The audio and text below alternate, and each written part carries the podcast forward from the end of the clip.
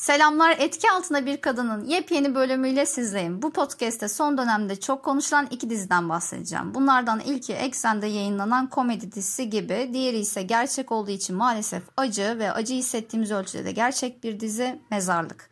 Neden bu iki diziden bahsediyorum? Çünkü bu iki diziye bayıldım. Azıcık abartıya kaçmış olabilirim arkadaşlar.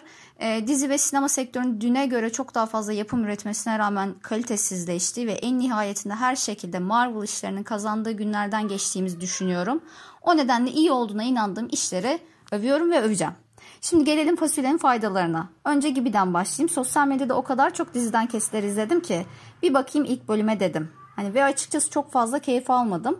Aradan bir süre geçti ve diziye tekrar şans verdim. O vakit anladım ki bu diziyi yapan insanların farklı bir bakış açısı ve kafası var. Gerçek dünyadan çok da kopmadan ama bunu farklı ve eğlenceli bir şekilde ele alarak aslında modern dünyanın bir kara mizahını yapıyorlar. Her bölüm özellikle dizinin ikinci sezonu beni daha da sardı. Zaten her bölümün kendi içinde farklı bir dönemi ya da farklı bir konuyu anlatması da bence dizi adına olumlu bir etken. Üstelik bu mizahın iyi olduğunu da göstergesi. Niye diyeceksiniz? E, diziyi izleme nedeninizin karakterlerin gelişimi ya da yolculuğunu veya olay zincirinin nasıl devam devam edeceği üzerine yaratılan meraktan ibaret olmadığını anlıyorsunuz. Bu arada karakterlerde klişe tabirli oldukça doğal ve samimi. Hani Feyyaz Yiğit, Kıvanç Kılıç, Ahmet Kürşat Öcalan da çok iyi iş çıkarmışlar. Feyyaz Yiğit ve Aziz Kedi'nin birlikte yazdığı ve Ömer Sinir'in yönettiği dizinin 3. sezon kadrosunda önemli bir değişiklik olduğu diziye artık Onur Uzun'un çekeceği konuşuluyor. Üçüncü sezonun yayınlanacağı tarih olan 7 Ekim'i iple çekiyorum ben de. Şimdi gelelim mezarlığa. Böyle söyleyince kulağıma tuhaf geldi. 4 bölümlük dizinin her bölümü bir film uzunluğunda 1,5-2 saatte.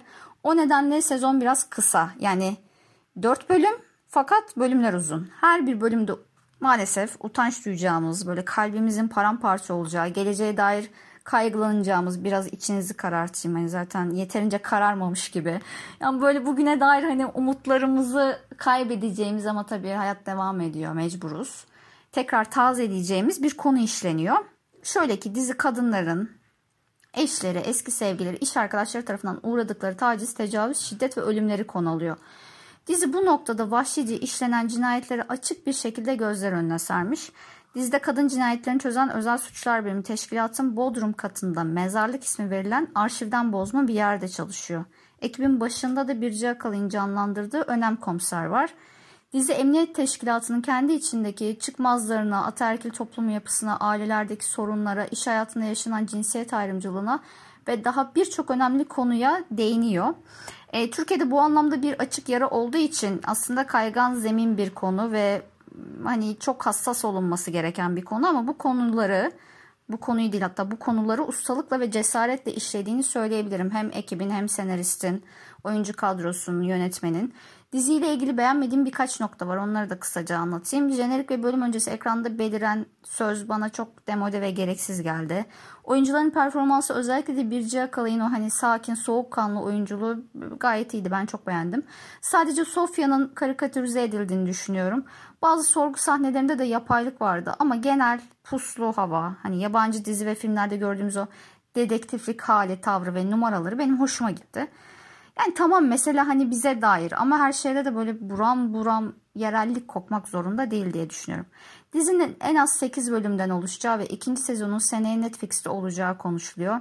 Netflix Türkiye'nin orijinal ve güzel işlerinden biri olduğunu düşünüyorum ben bu dizinin. Üstelik böyle bir diziye yani yani bu konuyu mesele edinen ve işleyen bir diziye de kesinlikle ihtiyaç vardı. O halde ne yapacağız arkadaşlar? 2023'ü bekleyeceğiz. Benden bu bölümlük bu kadar. Bir sonraki podcast'te McDonald's'ın büyüme hikayesini konu alan 2016 yapımı The Founder filminin sohbetinde buluşmak üzere. Hoşçakalın.